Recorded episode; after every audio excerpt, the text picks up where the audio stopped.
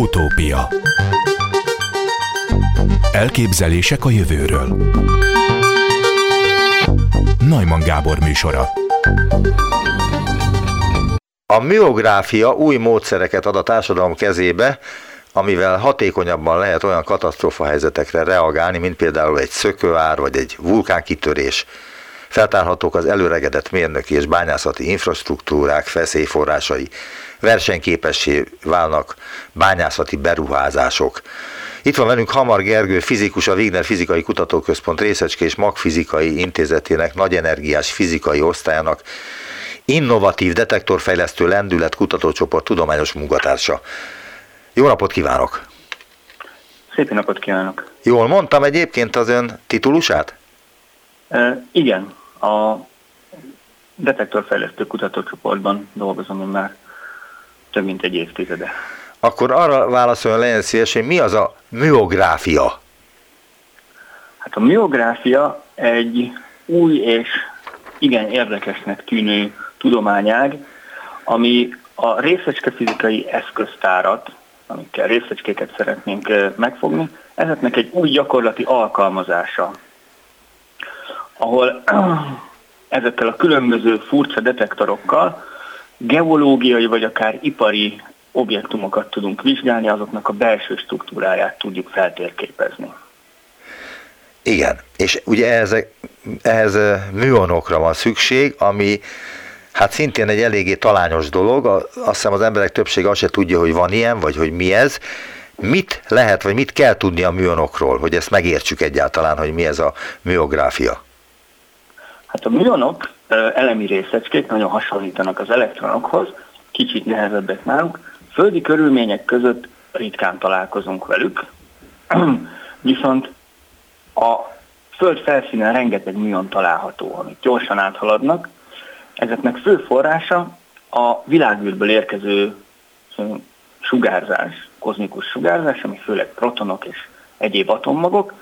A felső légkörbe ezek ütköznek, nagy energiás ütközésekben részecskék százait keltik, amik szépen lassan elbomlanak, és a bomlás termékek közül a műon nevezetű részecske az, amelyik viszonylag sokáig él, és eljut egészen a Föld felszínig, sőt minél nagyobb energiás, egyre mélyebbre és mélyebbre is lehatolhat a földkérekbe. Azt akartam kérdezni, hogy honnan jönnek, vagy miből jönnek hozzánk a műonok, de hát ezzel meg is magyarázta, hogy a világűrből, de például Svájcban, a CERN-ben is vannak ilyen műonok, ahol ütköztetnek egymással különböző részecskéket, elemi részecskéket? Természetesen a műonok főkeletkezési forrása, hogy említettem, általában valamilyen részecske fizikai ütközés, ahol a sok-sok keletkező részecskék, általában hadronok, a legkönnyebbje az úgynevezett pion részecske, mionra szokott bomlani. Tehát a CERN-ben rengeteg mionnal találkozhatunk, Részecske fizikusok azért is kedvelik a miont, mert viszonylag nagy áthatoló képessége van, tehát nem csak a mérés technikailag egyszerű bánni vele, az eszközöket jól megmérni, hanem a részecske fizikai folyamatokban is egy viszonylag egyszerű tiszta képet ad. Ez mit jelent, hogy egyszerű tiszta képet ad, illetve hogy mi a különbség, ugye ön azt mondta, hogy az elektronokra hasonlít olvastam valahol, hogy az elektronok nagy testvéreinek is szokták nevezni a műonokat. De ugyanakkor ez nem a Földön keletkezik, hanem valahol a világűrben, és mi az a tulajdonsága, ami miatt el tud jutni a Földig? És a többi, úgymond káros sugárzás nem jut el a Földig. Hát, ha, a test, ha az elektront és a műon testvéreinek tekintjük, akkor vessünk egy pillantást a részecske fizikának az úgynevezett standard modelljére, ami az általunk most ismert eleminek tekintett részecskéket próbálja egy egyszerű képpel leírni. Ezt hasonlatosan képzelhetnénk el, mint a klasszikus mennyilevi periódusos rendszer, csak sokkal kevesebb elem van benne. Ezek közé tartoznak az úgynevezett kvarkok, amikből az olyan típusú részecskék tevődnek össze, mint a proton meg a neutron, és ezektől egy különálló csoport az úgynevezett leptonok. Ide tartozik az elektron, a mülon, a tau részecske, illetve a neutrinóik. Ezért mondhatjuk, hogy ők testvérek. Azért érdemes ilyen módon csoportosítani, mert másfajta kölcsönhatásokban vesznek részt. Tehát az, hogy mivel és hogyan hat kölcsön, az az elektronéra hasonlít, csupán a tömege nagyobb egy műonnak. És ezeket erős vagy gyenge kölcsönhatásnak nevezzük, amit a műonok produkálnak? A műonok a gyenge kölcsönhatásban szerepelnek, abban vesznek részt. Az erős kölcsönhatás az a kvarkok területe. Aha. Küldött nekem egy cikket, ebből idézek. Új és minden eddiginél jóval költséghatékonyabb eszközt fejlesztettek ki a vulkánok és sok minden más átvilágítására a Magyar Tudományos Akadémia Wigner Fizikai Kutatóközpontjában, a technológiára pedig Japánban is szemet vetettek. Olyannyira, hogy az NLC japán IT óriás megvette az MTA fejlesztését, amivel a vulkánok mellett hidakról és alagutakról akarnak röntgenképeket csinálni egy mesterséges intelligenciával kiegészített rendszerrel. Mikor történt ez, illetve mekkora üzlet egy ilyen tudományos alapkutatásnak a áruba bocsájtása? Hát áruba bocsátást mm, kimondhatunk, de én inkább tudományos kollaborációként szeretnék erre tekinteni. Elnézést, visszavonom az árubocsájtást. Tudományos kollaborációnak mennyibe, Tudomány... mekkora hasznot termel ez például a Wignernek? Jelenleg mondhatnánk, hogy még nem sokat, de optimisták vagyunk, mint egy tudományos eredményt, mint egy szabadalmat vette meg ezt a, a LEC, ugyanis a miográfia egy olyan, olyan tudományág lett, ami azon túl, hogy használja a klasszikus alapkutatásnak a mindenféle eredményét, nagyon-nagyon közel áll az iparhoz. Lehet, hogy még egy pár szót elmondanék előtt, hogy hogyan is... Nyugodtan, van idő rá bőven. A miográfiai mérést. Tehát ezek a mion nevezetű részecskék, miután megkeletkeztek a felső légkörben az ütközések során, eljutnak a Földig, és minél nagyobb energiásak, annál mélyebbre be tudnak hatolni a földkérekbe, vagy áthatolni objektumokon. Ha ismerjük, hogy a Föld felszínen pontosan hány darab és milyen irányból kell, hogy érkezzen, fluxusnak szokták hívni, akkor kiszámolható, hogy különböző mélységekben, különböző anyagmennyiség után mennyivel csökken ezeknek a mionoknak a száma. Ez eddig a, az elméleti modell. Ennek a gyakorlati haszna akkor van, ha ezt a másik irányba alkalmazzuk, tehát egy ismeretlen, vagy részben ismert objektumot vizsgálunk, és megnézzük, hogy a mögött hány darab miont észlelünk. Hát klasszikusan, mint egy röntgenkép, amit az ember elképzel, csak nem kéz vagy emberméretű tárgyakról, hanem hegyméretű objektumokról. Tehát, hogyha egy vulkán mellé állunk, akkor láthatjuk, hogy a vulkánnak melyik része mennyire sűrű anyagokból tevődik össze, tehát mondjuk a magmakamrát és a különböző dugókat észrevehetjük, vagy például egy triviális alkalmazás lehet bányászatban, ahol mély bányajáratokból fölfelé tekintve megszámláljuk ezeket a mionokat, és látjuk, hogy hol van a kisebb sűrűségű meddő között, vagy a nagyobb sűrűségű érctömbök. De honnan tudjuk azt, hogy mennyi mion, mion megy bele a, a vulkánba? A mionok száma földfelszínen az állandó. Tehát a kozmikus, a világűrből érkező kozmikus sugárzást egy teljesen állandó sugárzásnak képzelhetjük el, éjjel-nappal, reggel, este, télen-nyáron folyamatosan érkezik, és az eloszlásuk ismert. Aha. Mondjuk nagyságrendileg egy száz éve fedezték fel ezeket a világűrből érkező részecskéket, az utóbbi száz évben a tudomány nagyon sokat foglalkozott ezekkel, és tudjuk ezeknek az energiaeloszlását, honnan, milyen szögből körülbelül mennyi érkezik, és ezeknek az információknak a segítségével most már számolni tudunk akár a másik irányba, hogyha például egy barlang mélyén, vagy egy bányajárat mélyén megmérjük, hogy hány darab ilyen műont észlelünk, meg tudjuk mondani, hogy mennyi anyag mennyiség van fölöttünk, és hogyha ismerjük, milyen messze van a felszín, viszonylag egyszerű geometriai probléma, akkor meg tudjuk mondani ennek az anyagnak a sűrűségét. Aha. És a Föld mindegyik pontjára ugyanakkor a mennyiségű műon érkezik? Ö, első közelítésben igen, természetesen vannak apró ö, változások a Föld különböző területein, viszont időben állandó. Akkor nem a napból jönnek. Nem, nem, e- ezek a világűrből érkező, tipikusan proton, proton és magok által keltett felső légköri ütközésből jönnek. És annak is van valami forrása, azt már tudjuk, hogy körülbelül honnan jöhet, milyen messziről, és mi lehet a forrása végül is ennek a, ennek a struktúrának? A kozmikus sugárzásnak a, a forrása az igazándiból a világűrből mindenhonnan érkező, akár több-több fényévről érkező ö, mindenféle magok, amik kint vannak. Ezeknek, amivel többet foglalkozott a, azt, hogy a részecske fizika, ezeknek az energia eloszlása. Miért, mely, melyik fajtából pontosan mennyi van? Ja, hogy van több fajta műon ezek szerint? Nem, nem. A, a műonok, azok a felső légkörben keletkeznek a külső kozmikus sugárzás hatására. Amik, kívül, amik a világűrből érkeznek, azok mind stabil részecskék, többnyire protonok.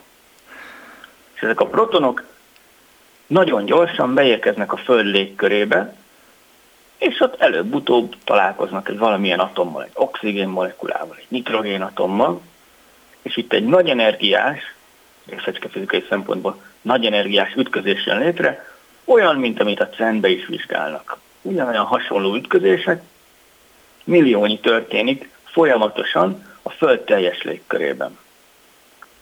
És az itt keletkező sok-sok-sok részecskék szépen lassan lebomlanak egyre könnyebb és könnyebb részecskékre, és a műon az egyetlen, ami a földfelszín jelentős sugárzást eredményez ezek közül. Az akkor nem fontos kérdés, bocsánat, hogy a szavába vágtam, tehát akkor az nem fontos kérdés, hogy hogy hol keletkeznek, vagy mi, miképpen keletkeznek ezek a részecskék, amelyekből műonok lesznek? Igazándiból a műográfia szempontjából érdekes módon nem asztrofizikai szempontból nagyon érdekes, hogy a különböző, ne, akár nehéz elemeknek a magjaiból mennyit találunk a világűrben, de a gyakorlati felhasználás, tehát a miográfia oldaláról azt használjuk ki, hogy van egy állandó ö, mionforrásunk, ami egyszerűen a világűr felől érkezik, mint hogy úgy tudnánk elképzelni, hogy lenne egy olyan röntgengépünk, ami folyamatosan be van kapcsolva, és most, hogy ki az, aki fölkapcsolta ezt évmilliókkal ezelőtt, az független attól, hogy milyen képet ad ez az újfajta röntgengépű. Akkor most hagyd kérdezzem meg, ami lehet, hogy nagy dilettantizmusról tesz tanúbizonyságot, hogy a gravitációs hullám és a műonok között van valami fajta hasonlóság, vagy egyáltalán a kettő összehozható egy kutatásban, vagy ennek a dolognak, két dolognak semmi köze nincs egymáshoz? Igazándiból nincs közük egymáshoz. Aha. Egy index cikkben a következő szónoki kérdést teszi fel a cikkíró ezzel kapcsolatban. Miért pont a vulkánoktól nem kifejezetten hemzsegő Magyarországon fejlesztették ki a vulkánvizsgálógépet, amiről szó volt a japánok kapcsán? Miográfiával a legelőször a 60-as években foglalkoztak, Alvarezék, ahol egy piramist térképeztek fel. Ez akkor egy hatalmas nagy beruházás volt, egy óriás kísérlet, és igazándiból 2000-es évek körül értünk el odáig, hogy megfizethető és már jól ismert technológiával előállíthatóak olyan észlelő rendszerek, amik ezeket az egyedi műon részecskéket tudják detektálni. Mi itt a Wignerben egy részecske fizikai detektorokat kutató és fejlesztő csoport vagyunk, általában alapkutatás és alkalmazott kutatáshoz, és itt kifejlesztett detektorok kifejezetten alkalmasak például ilyen miográfiai felhasználásra. Különböző csoportok más technológiákkal alkalmaznak, van akik emulzió, szintillátoros detektorokkal, mi úgynevezett gáztöltésű detektorokkal dolgozunk, amik nagy méretben is költséghatékonyak, ami egy ipari beruházásnál nem egy utolsó szempont, és kiváló hatásfokúak, és ezért döntöttek úgy például a japán kollégák is, hogy velünk együttműködve próbálják a, a vulkánokat vizsgálni. És mit lehet megtudni a vulkánokról az önök konstrukciói alapján? Ha felkérik önöket, hogy nézzenek meg egy havai vulkánt, hogy most ki fog-e törni, akkor erre tudnak-e valamifajta becslést mondani, az, azután, hogy a műonokkal kvázi megmérték ezt a vulkánt? A miográfiában meg lehet mérni ilyen vulkánokat, akár monitorozni is lehet. Most például a Sakurajima vulkánnál, ami Japán déli részén van egy aktív vulkán, itt van a legnagyobb ilyen mérésünk, közel 10 négyzetméter aktív felületen. Az fontos még tudni vulkanológiával kapcsolatban, hogy a miográfia nem egy olyan módszer lesz például a munkákutatásban, ami minden mást háttérbe szorít, hanem egy kiegészítő információt tud adni. Másfajta mennyiségeket mérhetünk egy vulkánnál, mint amit klasszikusan vulkanológiában meg lehetett. A biográfia segítségével betekinthetünk a vulkánnak a belsejébe. A, például egy nagyon jó példa a Sakurajimánál sikerült kimérnünk a világon először egy vulkáni dugónak a keretkezését, ennek a vulkánnak több aktív krátere van, tipikusan ilyen hetente vannak kisebb kitörések, és érdekes módon, kicsit több mint egy évvel ezelőtt, ezek a kitörések áttevődtek az egyik kráterről a másikra, amit elméletileg lehet egy úgynevezett vulkáni dugóval ö, magyarázni, és miográfiával képesek voltunk kimutatni egyszerűen a, az előtte és az utána való ö, képeknek az összehasonlításával, hogy valóban megjelent egy új, nagy anyagtömeget képviselő dolog az egyik helyen. És Tehát ebből lehet követ... Jelenleg... Bocsánat, és ebből akkor lehet következtetni arra, hogy kitörhet-e, vagy éppen kitörni szándékozik ez a vulkán? vulkán? Uh, igazándiból ez egy álom, ami, ami felé szépen lassan haladunk, hogy kitörést előre tudjunk jelezni. A mostani adatok azok inkább a vulkánoknak a pontosabb megértését és leírását szolgálják. Ha megfelelően nagy méretű detektorokat tudunk építeni, vagy több darabot, akkor ezek a miográfiai képek viszonylag gyorsabb expozíciós idővel keletkezhetnek. Eddig még nem igazán meséltem. Tipikusan egy mérésnek az ideje az egy hét, egy hónap körül van, ami ugye egy kitörés előrejelzésnél nem lenne túl szerencsés, nagyobb felülettel.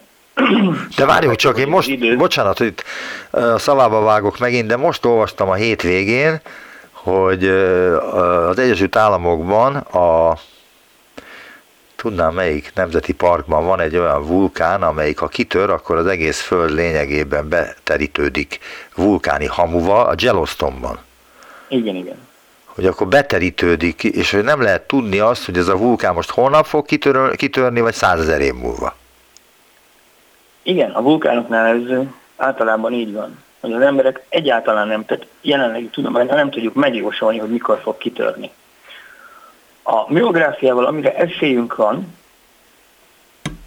az a vulkánnak körülbelül a földfelszín feletti részét monitorozva, láthatjuk a, a belső sűrűségváltozásokat. Hát de ez elég, nem? Ezek geológusok, meg vulkanológusok számára ezek nagyon fontos, vagy hasznos információk. Ezek retten, rettentő hasznos információk. Japán kutatóknak sikerült már például rekonstruálni egy ilyet, mivel ahhoz, hogy valós időben tudjunk képet alkotni, mi azt jelenti, hogy egy képalkotás legyen több fél óra óránál, hatalmas felületű detektorokra van szükségünk.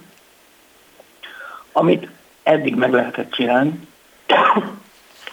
az az, hogy több kitörést, mondjuk úgy egymásra fényképezve, már meg lehetett mutatni, hogy valóban a kitöréseket megelőzi egy belső sűrűségváltozás, és a következő nagy projekt a japán oldalról, például a Magma projekt keretében, hogy egy olyan hatalmas detektort építeni, ilyen műográfot, ami valós időben, akár néhány perces vagy legrosszabb esetben egy órás felbontással folyamatosan tud vizsgálni egy vulkánt, és így képes lenne akár az előrejelzésre.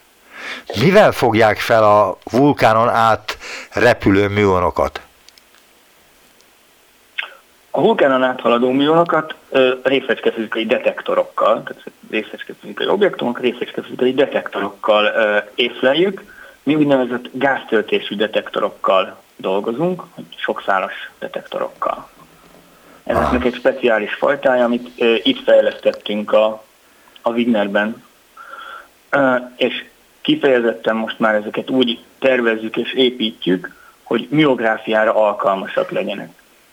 Tehát viszonylag könnyű struktúrák, amik robusztusak, bírják a részecske fizikai gondolkodástól kicsit távolabb álló terepi körülményeket, hiszen nem egy 20 fokos laboratóriumban kell dolgozni, ahol a kutatók minden nap megnézik, hogy működik-e, hanem ezeket bizony-bizony ki kell vinni a vulkáni hamuba, a, akár az esős, párás évszakba. Szakurajimánál nyáron például a méréseinknél nem ritka, hogy 40-45 fokban majdnem 100% páratartalom mellett kell üzemelni ezeknek a amúgy kényes eszközöknek. És Magyarországon is mértek már műonokat ilyen objektumoknál, mint hát vulkánok nem nagyon vannak, tehát Vulkán hegyeink nem. vannak meg. Hegyeink vannak, és barlangjaink vannak. Magyarország nagyon gazdag barlangászati kincsekben.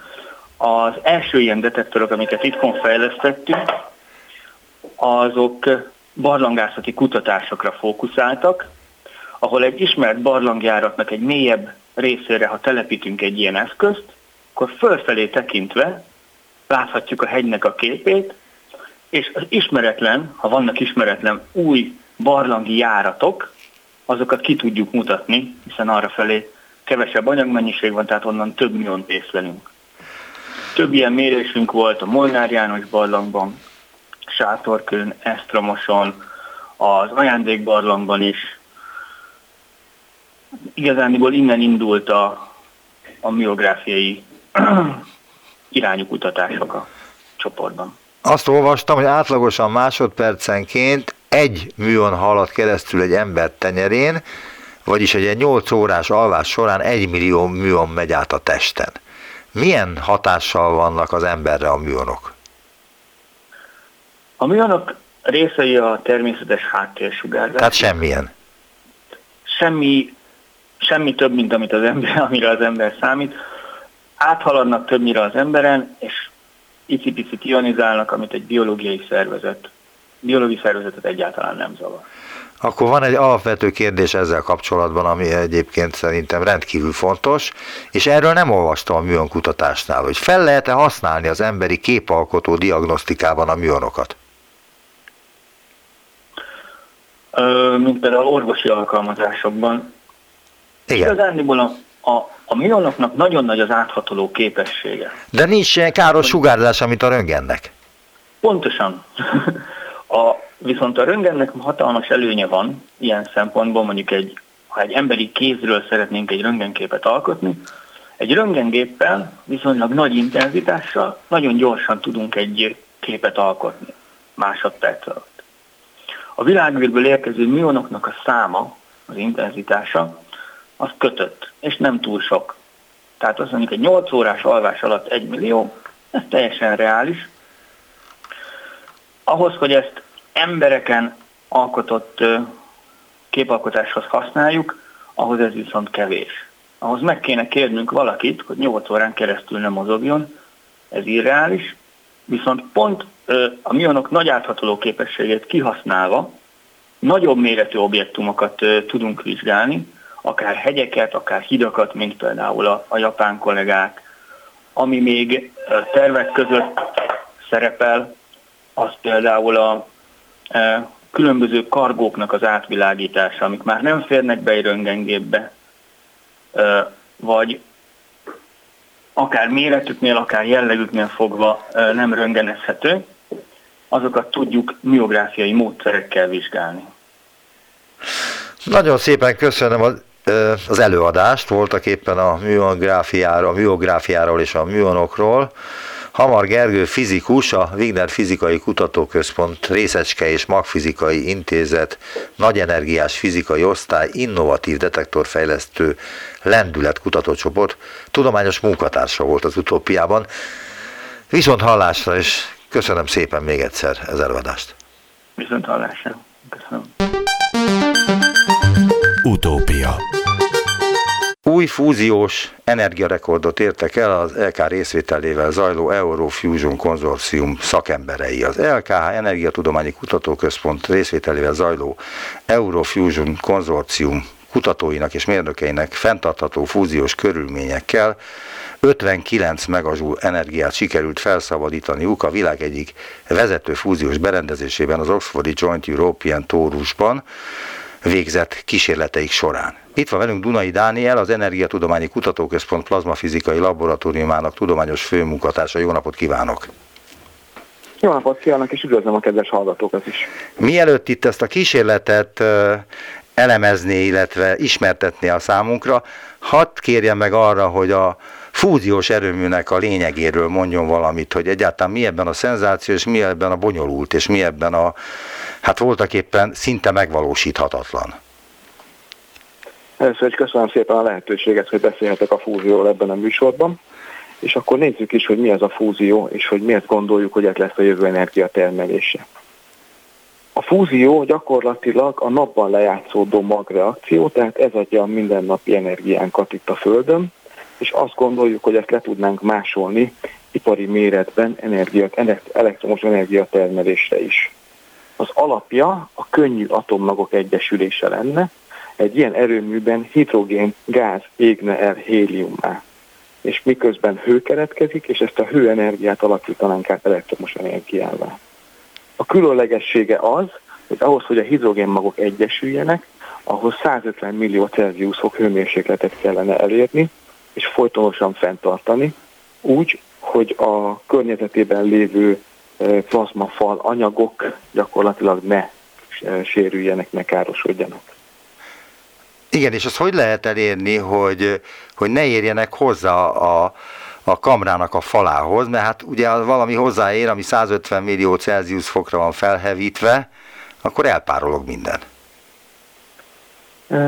Egyik oldalról nyilván egy ilyen magas hőmérsékletű anyag károsítaná az edény falát, de ami még gyorsabban megtörténne, hogy maga az az anyag hűlne le, és akkor persze a fúziós reakció továbbiakban nem lenne fenntartható.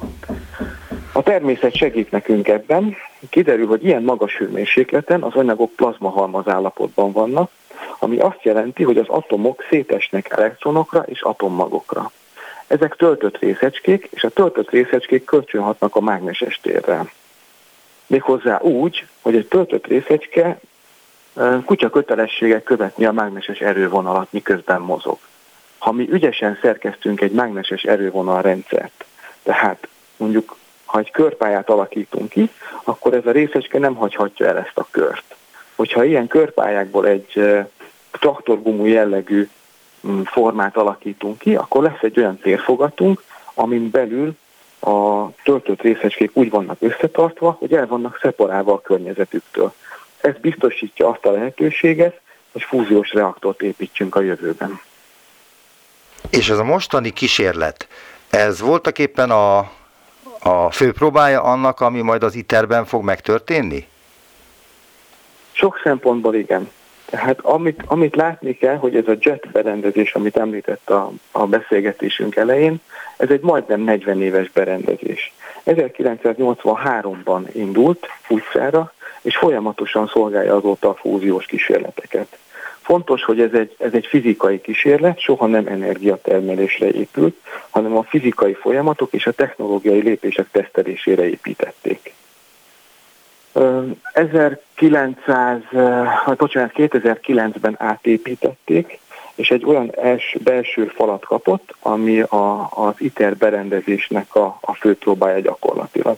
Egy ilyen lépésben nagyon sok technológiai lépés tesztelése zajlik, Például ez az egyetlen berendezés, ahol a fúzió üzemanyagát a deutérium és trícium üzemanyaggal lehet hajtani.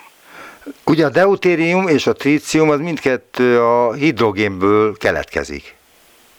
Igen, érdemes egy picit elméláznunk azon, hogy mi is a fúzió üzemanyaga, mert egy picit a Földön ez más, mint a napban. A napunk ugye 5 milliárd éve termeli az energiát, és ahhoz képest amekkora egy térfogat egységre nézve, tehát egy köbméterre nézve nem túl hatékony erőmű. Mi ahhoz, hogy a Földön tényleg energiatermelésre használjuk, ennél sokkal hatékonyabb fúziós erőművet kell, hogy építsünk. Tehát itt a Földön a deutérium, tehát a, az a, ez a nehéz hidrogén, és a trícium, ez a szupernehéz hidrogén izotópokat kellene használnunk. Mi és ebben a Hadd kérdezem meg, hogy ezt hogy lehet előállítani? Mert ugye vízből állítják elő, de ez, ez egyszerű előállítani a deutériumot és a tríciumot? Vagy? Igen, ez egy nagyon jó kérdés. A deutérium az gyakorlatilag a természetben adott. Minden 6700. hidrogénatom a világegyetemben az deutérium. Tehát bőségesen, végtelen mennyiségben áll, elő, vagy áll az emberiség rendelkezésére, és csak érdekességként megjegyzem, hogy ez a deutérium nem más, mint egyébként az ősrobbanás hamuja. Ezek a deutérium atommagok még az ősrobbanásban keletkeztek, és azóta vannak itt velünk. A trícium trükkösebb dolog, mert a trícium egy radioaktív gáz, 12 év felezési idővel, tehát a természetben gyakorlatilag nem fordul elő, ezt nekünk kell előállítani. Ebben a, ebben a berendezésben... Bocsánat, honnan, tudjuk, honnan tudtuk, vagy honnan tudjuk azt, hogy erre a tríciumra nekünk szükségünk van, és ez a, a legoptimálisabb anyag a magfúzió létrehozásához? Ezt egyszerű magfizikai számításokból lehet tudni. E, ezt úgy lehet egyszerűen megérteni, hogyha azt nézzük, hogy a, a, ahhoz, hogy a fúziós reakció létrejöjjön, ahhoz az atommagok közti taszítást kell legyőznünk. A hidrogén a, nem csak a legkönnyebb atom, de gyakorlatilag ugye egyszeresen töltött pozitív atommag. Hogyha bármilyen nagyobb atommagot szeretnénk használni fúzióra, vannak ilyen kísérletek és, és ötletek egyébként, akkor még sokkal magasabb hőmérsékletet kell elérnünk, hiszen egy, egy, egy, egy bor vagy egy valamilyen többszörösen töltött atommag még sokkal jobban taszítaná a másik atommagot. Tehát valamilyen értelemben ez a legalacsonyabb hőmérsékleten létrehozható fúziós reakció. Világos. Illetve értem, azt akartam ezzel kapcsolatban mondani. Nagyjából értem, de hát nem vagyok fizikus, úgy nagyjából érdeklődési szinten vagy kíváncsiság szinten értem. És akkor hogyan, ha már megvan nekünk ez a deutériumunk és a tríciumunk, amely Nincs szükséges. Nincs tríciumunk, ez, ez, ezt itt tartottunk észre, hogy Akkor... a trícium egy radioaktív gáz, amit nekünk kell valahonnan megtermelni. És ezt honnan tudjuk? Nem, nem, nem fordul elő. Szerencsénkre maga a deutérium-trícium magreakció az úgy játszódik le, hogy keretkezik egy hélium atommag és egy neutron. Ezt a keretkező neutront tudnánk használni trícium tenyésztésre, trícium termelésre, úgy, hogy ha lítium atommagokat rakunk a berendezés falába, ez a lítium atommag befogná ezt a repülő neutront, és egy hélium és egy trícium keletkezne. Tehát a reaktornak a bemenő üzemanyagai deutérium és lítium, amiből szerencsére mind a kettőből nagyon sok van, ráadásul a, a világon úgymond elosztva, tehát nem csak bizonyos országok uralnák a, a, a, a nyersanyag készleteket, és ami keletkezik, az mind a két reakcióból ártalmatlan hélium, ami ugye gyakorlatilag lufit lehet vele fújni, és, és, és sem üvegház hatása, sem hosszú távon elraktározandó radioaktív hulladék így nem keletkezik. Igen, de beszéltem olyannal, aki kint dolgozott az ITER-ben, és mondta, hogy ez lehet, hogy a hélium az abszolút érdektelen a tekintetben, mert nem radioaktív, meg nem okoz semmilyen problémát, de el kell vezetni, mert meggyullad. A hélium az, az nem gyullad, mert a tríciumot kell elvezetni, vagy pontosabban ki kell vonni ebből a rendszerből, ahhoz, hogy újra fel tudjuk használni, mint üzemanyag. Ami érdekes lehet ebből a szempontból még az, hogy a keletkező neutron, ami lítiumból tríciumot termel egy későbbi erőműben van. Ugye a mostani kísérleti berendezések ezt még nem tudják. Ezt a technológiát az ITER-ben teszteljük majd először. Igen. A jetben meg egyáltalán nincs ilyen. Tehát, hogy a, a, az a neutron, ami majd a tríciumot termeli, ez sajnos felaktíválja a környezetét is. Tehát bár azt mondtam, hogy maga a hélium a keletkező, üze, a keletkező mellékanyag nem radioaktív, maga a berendezés felaktiválódik, és ilyen szempontból kezelni kell. Ez egy, ez egy, ez egy nukleáris berendezés, nagyon erős sugárzásvédelmi szabályokkal. Tehát akkor ez hasonló, bocsánat, hasonlóan veszélyes radioaktivitás szempontjából, mint egy atomerőmű? Igen, erre szeretnék válaszolni, hogy a jó hír igaziból az, hogy a megfelelő szerkezeti anyagokat választva nem keletkezik hosszú távon raktározandó hulladék. Ezt úgy kell érteni, hogy egy fúziós erőműnek a fala mondjuk felaktiválódik, de száz év után újabb, újabb fúziós erőmű öntésére lehet majd felhasználni. Aha. Tehát akkor nem történik az, mint a, az atomerőművekben, hogy az urán, az elhasználódott urán darabokat, azokat valahova el kéne helyezni, mert hogy több tízezer év múlva a jelenlegi elképzelések és fejlesztési irányok szerint pontosan azért, azért az, a, az az ígérete a fúziós erőműnek, hogy minimalizálja a hosszú távon raktározandó nukleáris hulladékot, miközben egyébként maga a reakciónak a végterméke ugye egyáltalán nem veszélyes. Igen. Tehát akkor hol tartunk most, és az, az lenne a kérdésem, hogy amit a legelején mondtam, hogy az Oxfordi jetben milyen fantasztikus eredményt értek el, hogy ez volt egyébként a legkomolyabb ilyen 59 megazsulos energiát előállító eredmény eddig ebben a témakörben, a Földön? Én ezt úgy javaslom, hogy a hallgatók úgy képzeljék el ezt a dolgot, mint a kutatás egy, egy lépcső felfele valahova. És ez egy újabb fontos lépcsőfok. Tehát bizonyos értelemben a szilveszter sem fontosabb mint egy bármelyik nap az évben, mégis van egy kis kiemelt szerepe, mert akkor, akkor azért mégiscsak átléptünk egy valamilyen határt. És a, a JET 40 éves e, működésének az a végéhez közeledik, a deutérium és a trícium reakcióval, az deutérium és trícium üzemanyaggal működtetett lövések, vagy, vagy, vagy használat viszonylag ritka, pontosan azért, mert drága és felaktiválja a berendezést, de az élete vége előtt a jetnek eldöntöttek, hogy csinálnak egy ilyen kampányt. Fontos tudni, hogy csak a jet képes a mai berendezések közül ezzel a trícium üzemanyaggal működni, és majd az ITER lesz képes, amikor majd felépül. Tehát, hogy ez, ez egy, egy olyan bizonyítéka annak, hogy nem csak az, hogy fala a berendezésnek a kontrollrendszere, a mögöttes fizika, ami a modellszámolásokat adja, az pontos, hanem egy megfelelő biztonságot tud adni ahhoz is, hogy a most tervezett és épülő ITER úgy fog működni, ahogy azt a tervezők megálmodták. Igen, és itt az is megvalósult, ami az egésznek a lényege, hogy voltak éppen kevesebb energiából több energiát tudtak előállítani, tehát ez a bizonyos 59 megazsúl energia, ez mennyi energiába került nekünk? Nem. A, ez fontos megérteni, hogy a, a, a jetben keletkezett fúziós energia, ez az 59 megajoule, ez hőenergia. Ugye a jet nem egy, egy elektromos áramtermelő berendezés, hanem csak egy kísérleti fizikai berendezés, és ez egy körülbelül 30%-os hatásfoknak tekinthető, tehát hogy olyan értem, hogy háromszor annyi energia kell ma még hogy fenntartsuk ezt a fúziós teljesítményt, mint, amennyi, mint amennyit a fúzió ad. Itt a méret a lényeg. Tehát, hogy van egy, van egy fúziós plazma gömbünk mondjuk, akkor a benne lévő fúzió az a térfogatti, térfogattal arányos lesz, miközben az a felület, ahol hűl, az meg ugye a, a, a, a berendezés felületére. Ha elkezdjük ezt növelni, akkor a felület térfogat arány egyre jobb lesz.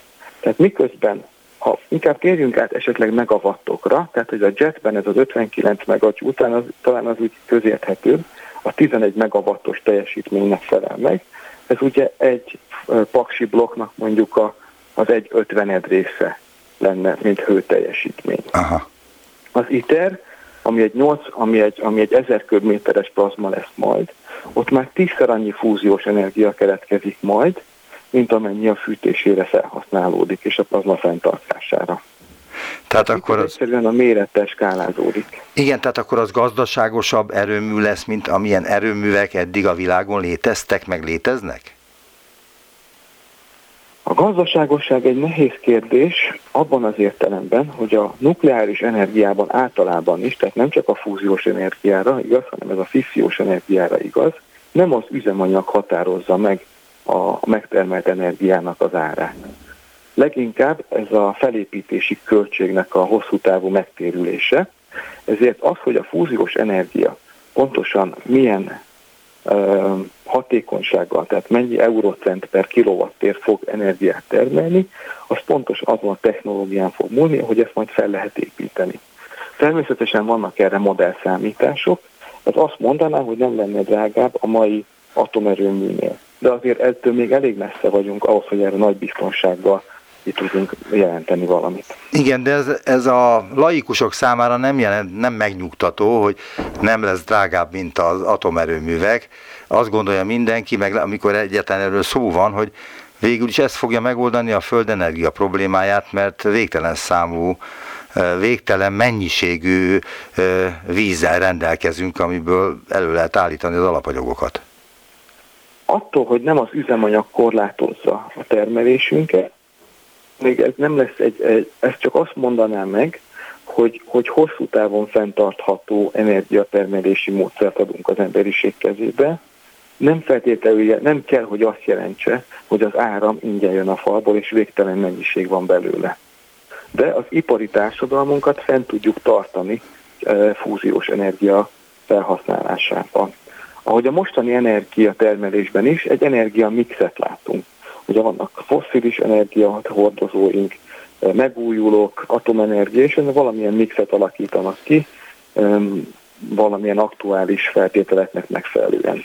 Azt gondoljuk, hogy ez a jövőben is így lesz, aminek a fúziós energia lesz az alaperőmű pillére, de emellett természetesen helye lesz a megújulóknak és minden másnak is a költségek függvényében.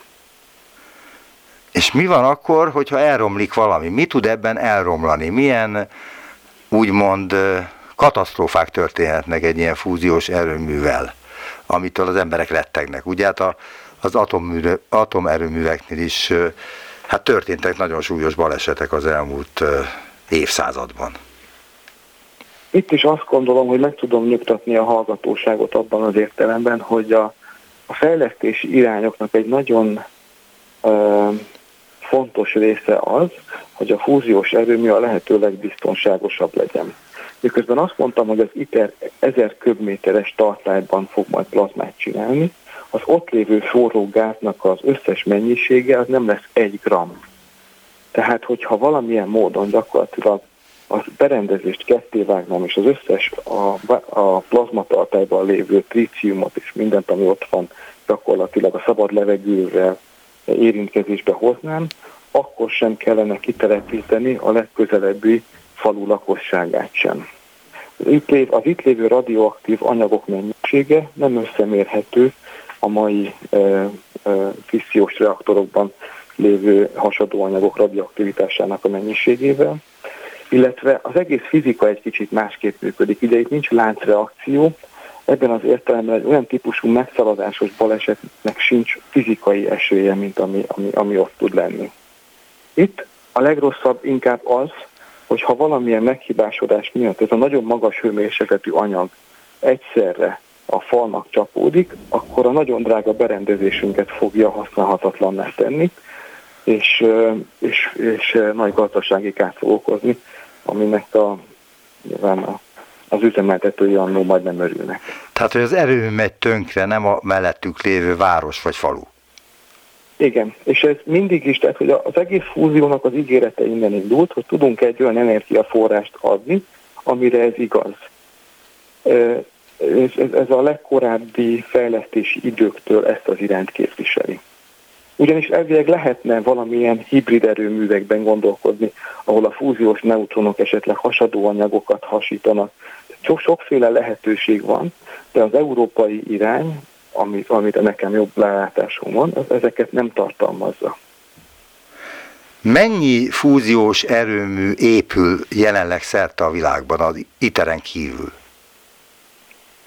Én kicsit a, tudom, hogy az angol, angol száz használatban erőműként van, de erőmű a számomra azt jelenteni, amit, amit arra építenek, hogy energiát termelnek. Akkor mit mondjak? Jelenleg ma még csak fúziós kísérleteket építünk, ahol a technológiát és a fizikai folyamatokat teszteljük. Az ITER bár tízszer annyi energiát fog termelni, mint amennyit befektettünk a plazma fenntartásához, mégsem lesz erőmű abban az értelemben, hogy egy wattnyi energiát nem fog termelni, mert nem is ez a célja. Az ITER után épül majd a demonstrációs erőmű, ami már a kereskedelmi fúziós erőműveknek az előfutára lesz. Természetesen a világon sokfelé vannak fúziós fejlesztések. Nemrég bejárta a sajtót egy kínai rekord, előtte egy koreai öm, berendezés jutott el a, el a hírekbe. Amerikában is vannak ilyenek, tehát vannak fúziós berendezések, és, és én azt gondolnám, hogy évtizedente egy épül egy nagyobb, nagyobb kísérleti berendezés. Ön arról meg van győződve, hogy ez sikerülni fog már, mint hogy a kísérletnek erőművé válnia? Én azt hiszem, hogy nem az lesz a kérdés, hogy ez sikerül-e, hanem hogy nagyjából mikor. Ez egy annyira vonzó és annyira láthatóan egyébként megvalósítható típus, csak rendkívül nagy technológiai problémákkal, hogy, hogy az emberiség előbb-utóbb bizonyára ki fogja, a, ki fogja használni, és bármikor érkezik, akkor egyébként jó helye lesz az energiamixben. Itt szerintem a fontosabb, vagy a főbb kérdés az, hogy, hogy ez mikor tud elterjedni, és esetleg ez miben tudja befolyásolni a, a, az addig eltelt időt. Ön szerint, illetve a kutatók, a tudósok szerint nagyjából mikorra telhető az az időpont, amikor már nem fúziós kísérletről, hanem fúziós erőműről beszélhetünk?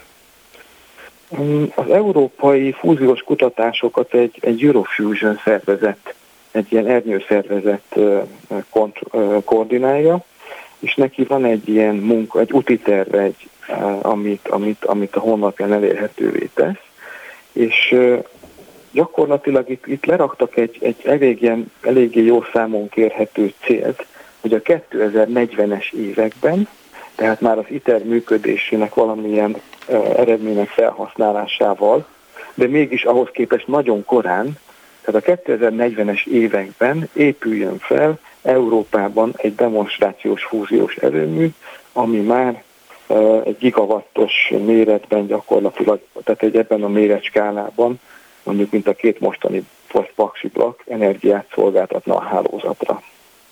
Azt is fontos megérteni, hogy ha létrejön egy ilyen berendezés, és sikeres lesz, ez még mindig nem azt jelenti, hogy akkor három évvel később, vagy öt évvel később minden erőművet kidobunk, és csak fúziós erőművek lesznek a világon. Pedig ilyet is olvastam. Sem gazdaságilag, sem, sem technológiailag nem kivitelezhető. Jó, pedig ilyet is olvastam a fúziós erőművek kapcsán, hogy amint ez elkészül, és sikeresen meg lehet oldani a fontos gondokat, problémákat, nem lesz szükség se hőerőműre, se atomerőműre, se vízi erő, semmire se. Ahogy az előbb említettem, akkor is egy energiamix lesz, hiszen a fogyasztásunkban különböző időskálán különböző változások vannak. A, a jelenlegi állapot szerint a fúziós erőmű is a, a, a, a hasadó erőművekhez hasonlóan egy, egy, egy alaperőmű lenni, lenne, ami, ami egy állandó teljesítményt adna le, és a napi változásokat attól még valamilyen rendszerrel le kell követni hogy akkor majd ez a megújulóknak lesz valamilyen tárolása, vagy, vagy, vagy hidrogéntermelésen keresztül, persze ezt még nem látjuk, de mindenképpen egy energia mixben kell majd a jövőben is gondolkodni, aminek lehet az alappillére a fúziós erőmű. Igen, de az, az uránium a Földön, illetve a radioaktív anyagok, amelyekkel atomerővet lehet működtetni, az előbb-utóbb el fog fogyni. Teljes egészében. Vagy legalábbis sokkal kevésbé gazdaságosan lesz kiaknázható. Igen, de akár, hogy aknázzák ki, ha mondjuk az emberiség még eléri tízezer évig, vagy százezer évig, akkor már nem lesz egy gram uránium sem a Földön, mert mindent kitermeltek. Igen, én azt remélem, hogy, hogy, hogy ennél jóval korábban a fúzió már átveszi ezt a szerepet. pontosan azok miatt az előnyök miatt, amiket az elején említettünk. Ugye nem termel üvegházgázt, gyakorlatilag a, a reakció végeredménye az semleges és, és ártalmatlan, csak a berendezést kell ilyen szempontból jól megépíteni, hogy minimalizáljuk a, a hulladékot és maximalizáljuk az újrafelhasználhatóságot. Nagyon szépen köszönöm a, az ismertetést, illetve az előadást a fúziós erőművekről, illetve erről a kísérletről is. Dunai Dániel, az Energia Tudományi Kutatóközpont plazmafizikai laboratóriumának tudományos főmunkatársa volt az utópiában. Viszont hallásra! Köszönöm szépen akkor!